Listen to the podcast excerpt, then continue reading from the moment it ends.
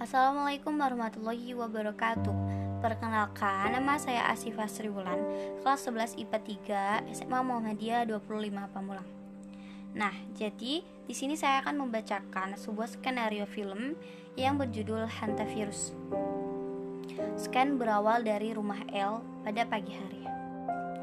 Sebuah rumah sederhana yang di dalamnya terdapat barang-barang antik yang sangat berharga terlihat seorang laki-laki tampan bernama L yang sedang sibuk mempercantik motor Vespa putih miliknya. Dan ibu L yang sedang sibuk merapikan rumah yang berantakan karena banyak sekali barang-barang antik di dalamnya. Di depan rumah L terlihat ayah L yang sedang membaca koran sambil meminum secangkir teh hangat dan menikmati kesejukan udara yang belum terkena asap kendaraan motor. Di depan rumah Ana pada pagi hari. Berbeda dengan keluarga L, keluarga Anna adalah keluarga terpandang dengan kemewahan, rumah yang besar, dan ya tentunya dia memiliki banyak sekali mobil-mobil yang sangat mahal. Meskipun begitu, keluarga Anna adalah keluarga yang ramah, sering membantu orang, apalagi membantu tetangganya yang sedang kesusahan. Di depan rumah, terlihat Anna yang sedang berolahraga pagi.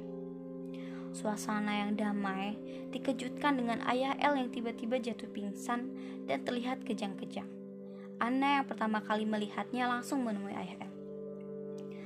Anna yang sedang menghampiri ayah El terkejut karena ketika saat Anna memegang tubuh ayah El, tubuhnya terasa sangat panas dan kejang-kejang sambil mengeluarkan air liur yang terus-menerus keluar dari mulut ayah El. Karena Anna sangat panik, Anna langsung memanggil El dan ibu El. El, El, cepat kemari. Ada apa, nah? Jawab El. Ana menjawabnya. Ayahmu pingsan, El. El yang mendengar ayahnya pingsan langsung berlari kencang keluar rumah dengan ibunya. Ana, apa yang terjadi? Kenapa ayahku kejang-kejang seperti ini? Ana menjawab, Sudah, jangan dulu banyak bertanya. Sekarang lebih baik kita pergi ke rumah sakit. Ayo nak, kita pergi ke rumah sakit, ucap ibu El. Mereka bertiga pun berangkat ke rumah sakit memakai mobil milik Ana. Di rumah sakit, Ana, El, dan ibu El yang sedang menunggu kabar bagaimana keadaan ayah El. Mereka sangat kebingungan karena sebelumnya ayah El belum pernah seperti ini.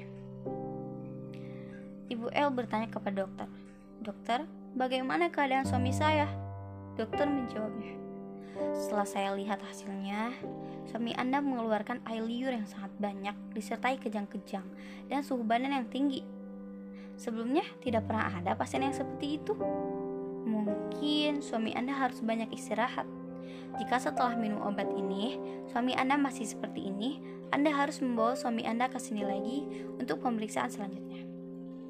Baik, Dok, jawab Ibu Mereka pun membawa El pulang ke rumah.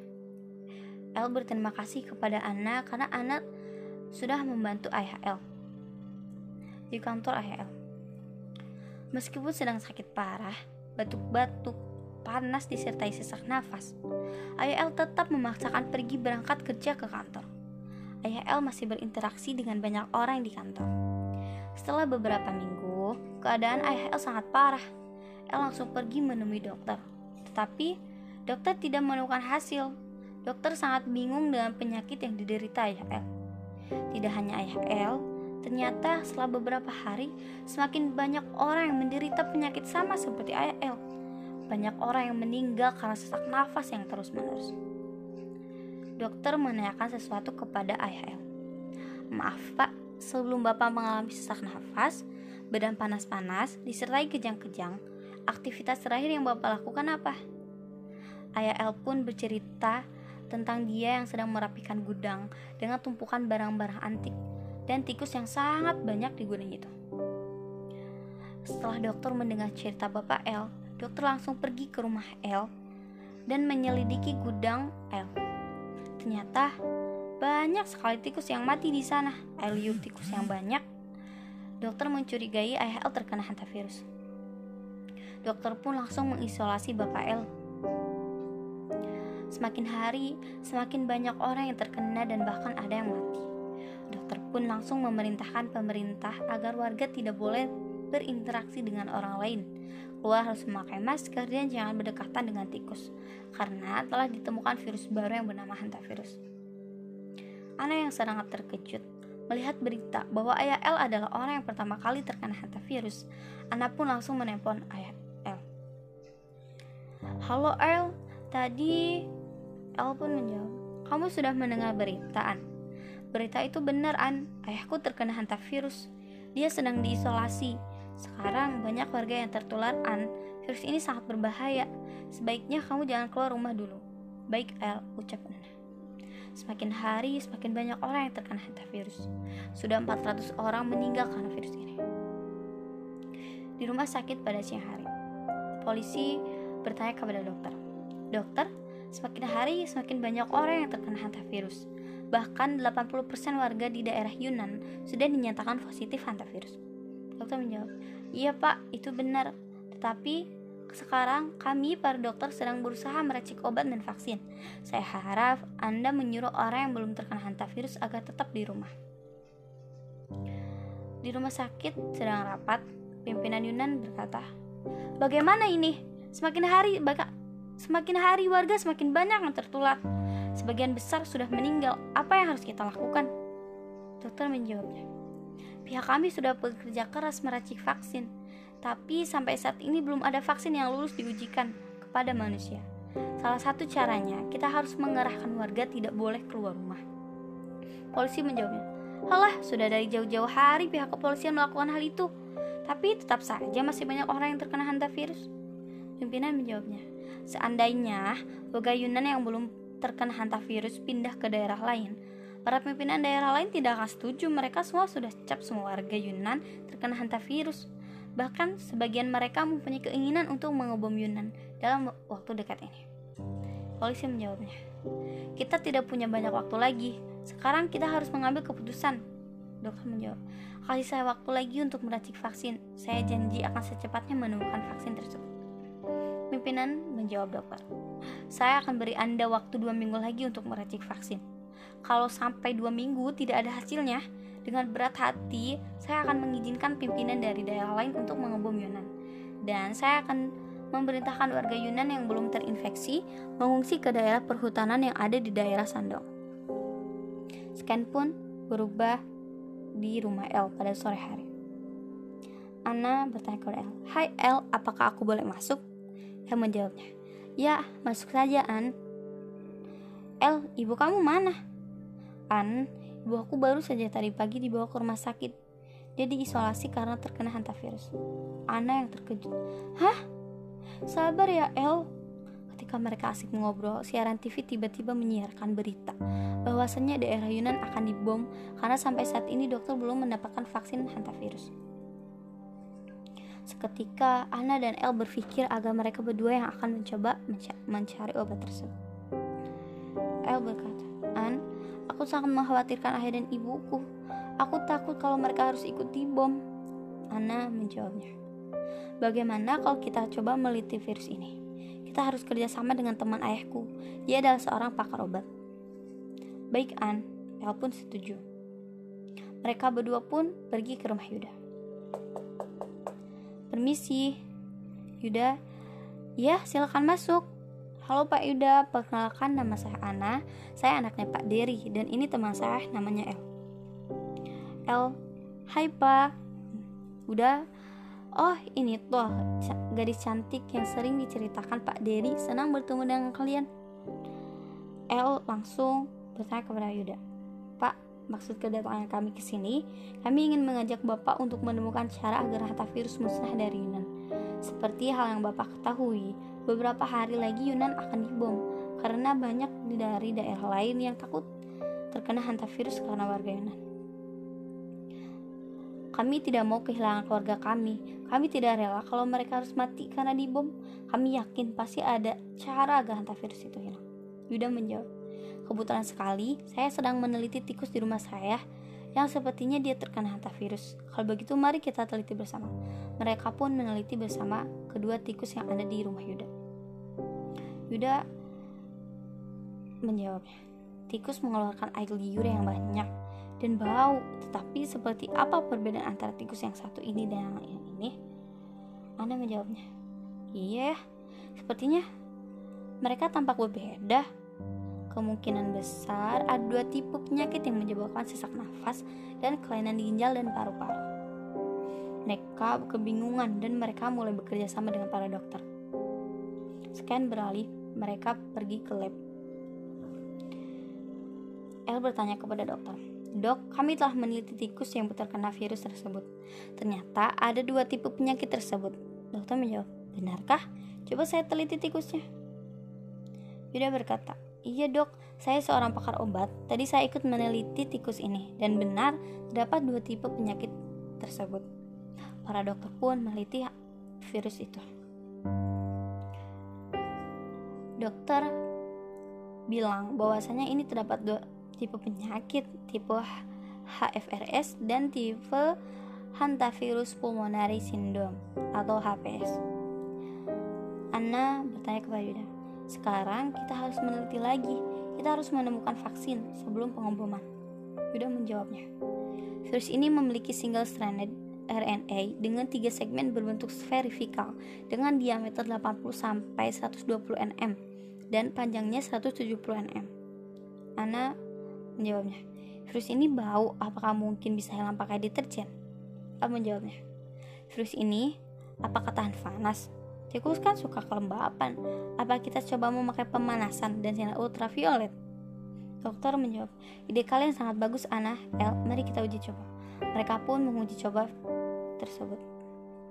Dokter langsung berkata, An, El, Yuda, setelah melihat hasilnya, hantavirus yang ada di tubuh pasien ternyata menghilang hanya sedikit, hanya 0,5% dari 100%.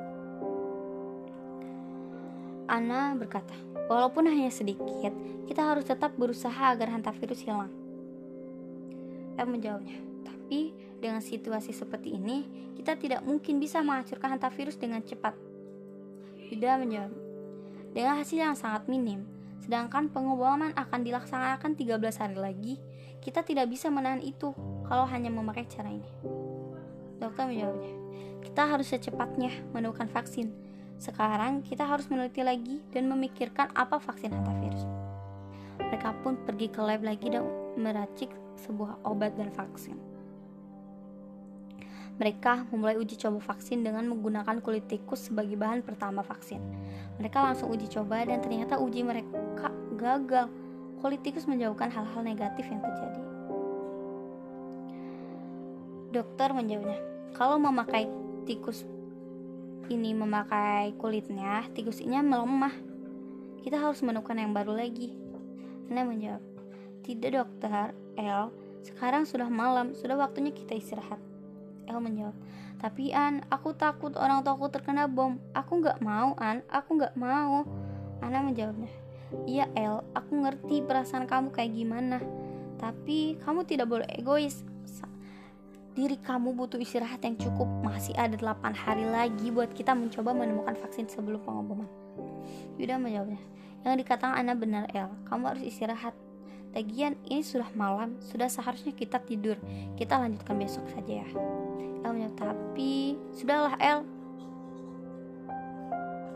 Di perjalanan pulang ke rumah, Ana berkata, Oh iya El, untuk sementara kamu tidur di rumahku saja ayahku tidak apa-apa kok yang menjawabnya. Hmm, aku nggak enak an. Keluarga kamu terlalu baik sudah banyak membantu keluargaku. Aku merepotkan terus Ana menjawabnya. Ya elah El santai aja kali. Tapi an. Ah sudahlah El. Kita kan sudah bersahabat lama. Sudah dari SD kita berteman. Mungkin keluargaku sudah menganggap kamu anak mereka. Ibu dan ayahmu juga baik. Mereka ramah terhadapku. El pun menyetujui tersebut An, aku mau ajak kamu ke suatu tempat, boleh An? Boleh kan? Ana menjawabnya, kapan? Sekarang. Iya sekarang. Oh boleh. Emang mau ajak aku ke mana? Di merah sia-siaan. Oh iya El, mau bawa aku ke mana sih? Boleh banget sih lo. Di, ya udah nggak usah, mending aku balik aja. Mereka pun tiba ke tempat yang mau. El, An, sebenarnya Maksud aku ngajak kamu ke sini. Aku mau ceritaan. Aku sangat sayang ibu dan ayahku. Aku nggak mau An kehilangan mereka karena pengoboman. Aku janji El, aku akan terus berjuang meracik vaksin itu. El menjawabnya. Terima kasih An, cuma kamu yang bisa bantu aku. Kamu yang selalu ada buat aku dan keluarga aku. Kamu baik An, terima kasih. Keesokan harinya, mereka melanjutkan kembali penelitiannya. Dokter berkata, Yud, El, An, kemarin malam pemimpin Yunan menelpon saya. Dia bilang pengoboman akan dipercepat.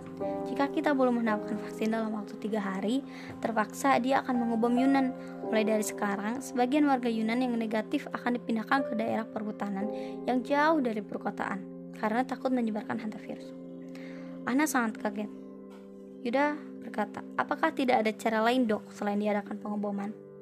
Dokter menjawabnya, pimpinan Yunan didesak oleh para pemimpin daerah lain agar mengobom Yunan. Mereka takut warganya banyak terkena hantavirus. Kata pimpinan Yunan, Yunan tidak akan dibom apalagi sudah ditemukannya vaksin. El menjawab, An... Ana pun menjawab, El, insya Allah semua akan baik-baik saja. Kita akan berjuang menemukan vaksin hantavirus agar semua orang beserta orang tuamu tidak dibom. Yuda menjawabnya, Ya El, kamu harus semangat. Pasti akan ada jalan terbaik.